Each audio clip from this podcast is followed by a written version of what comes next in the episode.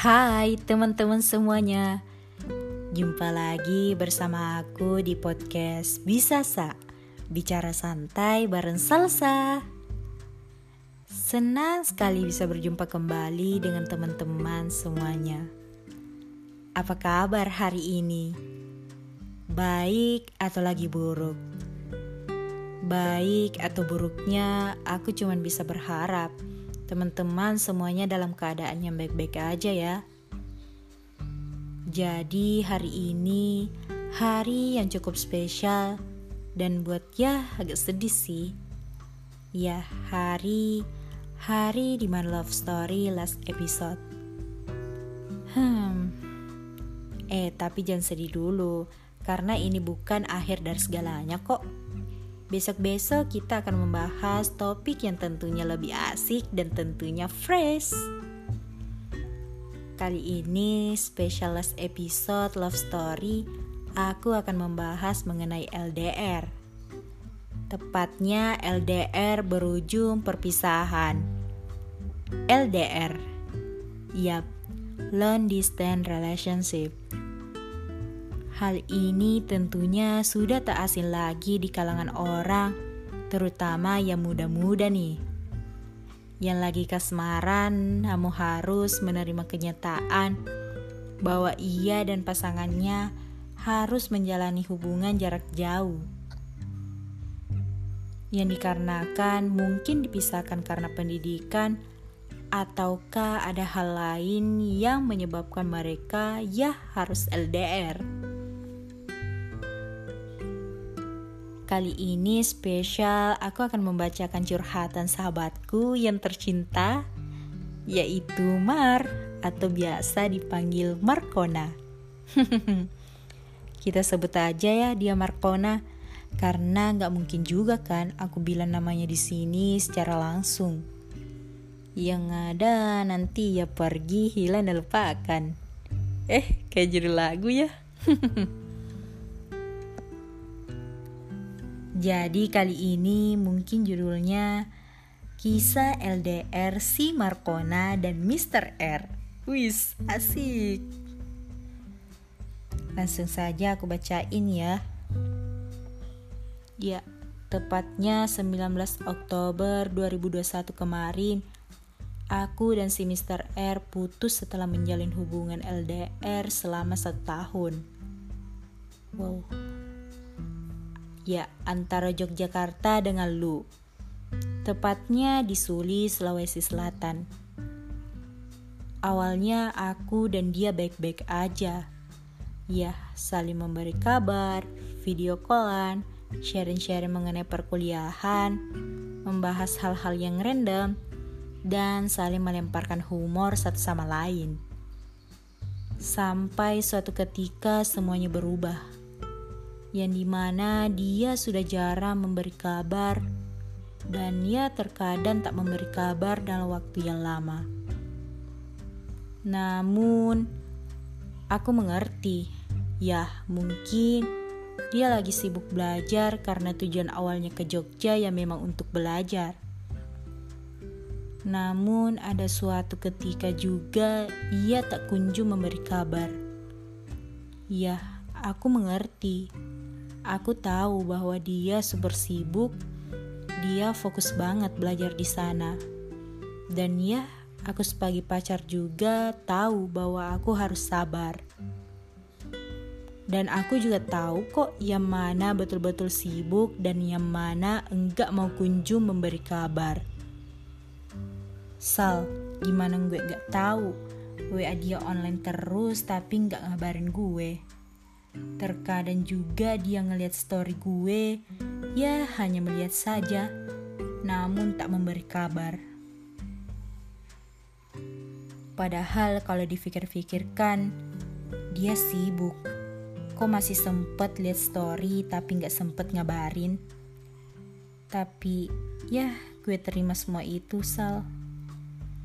Sampai suatu ketika aku juga udah sibuk banget ya sama perkuliahan, organisasi, dan juga tugas-tugas yang tak kunjung usai. Hingga Sal, Pacarku itu marah karena aku tak memberi kabar. Beberapa panggilan telepon yang kunjung masuk dalam HP gue sal. Namun gue gak bisa angkat karena ada tanggung jawab yang gue harus selesaiin dan pas di hari itu juga gue sedang mengalami ya biasa perempuan hari pertama di mana mood yang tak stabil yang terkadang naik turun. Tapi aku bilang kok ke dia bahwa jangan dulu hubungi aku.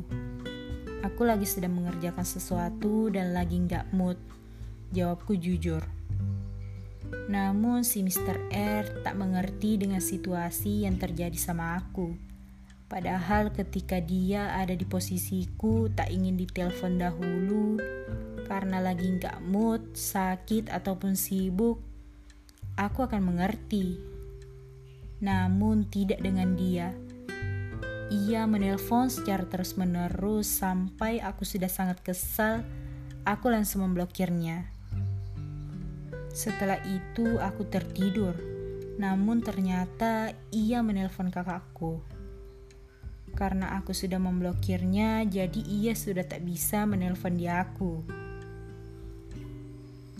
Lalu aku ambil tuh HP dan aku berbicara ada begitu banyak hal yang ia ucapkan yang mungkin juga tak pantas untuk didengar.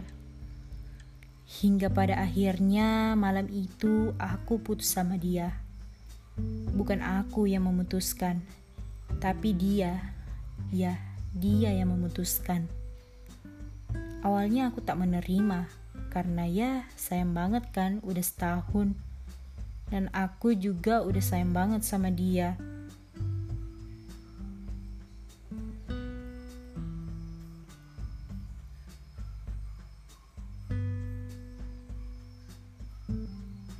Tapi akhirnya aku menerima karena aku juga sudah muak dengan sikapnya ke aku.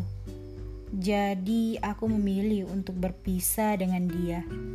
Tapi setelah beberapa hari kami putus, Mr. R mengatakan bahwa ia meminta putus beberapa hari yang lalu karena ia emosi dan ia lagi mempunyai masalah sama temennya. Ya, aku sempat mengatakan, ya kalau ada masalah sama temen, ya nggak usah juga lampiasin ke aku. Namun Sal, aku tetap memilih berpisah. Karena aku juga sadar kalau aku sama dia itu sama-sama egois. Gak ada yang mau mengalah. Jadi cukup sampai di sini saja hubunganku dengan dia. Wow, Markona fix mulai dari sekarang lo harus move on. Ya, bestiku. Jujur, gue sendiri belum pernah merasakan yang namanya LDR. Jadi, gue nggak tahu gimana rasanya ketika LDR, ketika kita berjauhan. Gue hanya mengetahui sedikit tentang LDR itu. Ya, dari kisah-kisah orang yang di mana LDR terkadang menjadi happy ending dan terkadang juga menjadi sad ending. Seperti kisah bestiku Markwana ini. Kuncinya ya dalam LDR mungkin adalah kepercayaan satu sama lain, keterbukaan, saling memahami satu sama lain, dan tentunya komunikasi sih penting banget. Ya, Beberapa orang percaya bahwa berpegangan dan bertahan adalah tanda-tanda kekuatan yang besar. Namun, ada kalanya dibutuhkan lebih banyak kekuatan untuk mengetahui kapan harus melepaskan dan kemudian melakukannya. Aku Andi Salsabila pamit. See you di podcast-podcast selanjutnya. Bye bye. Have a nice day everyone.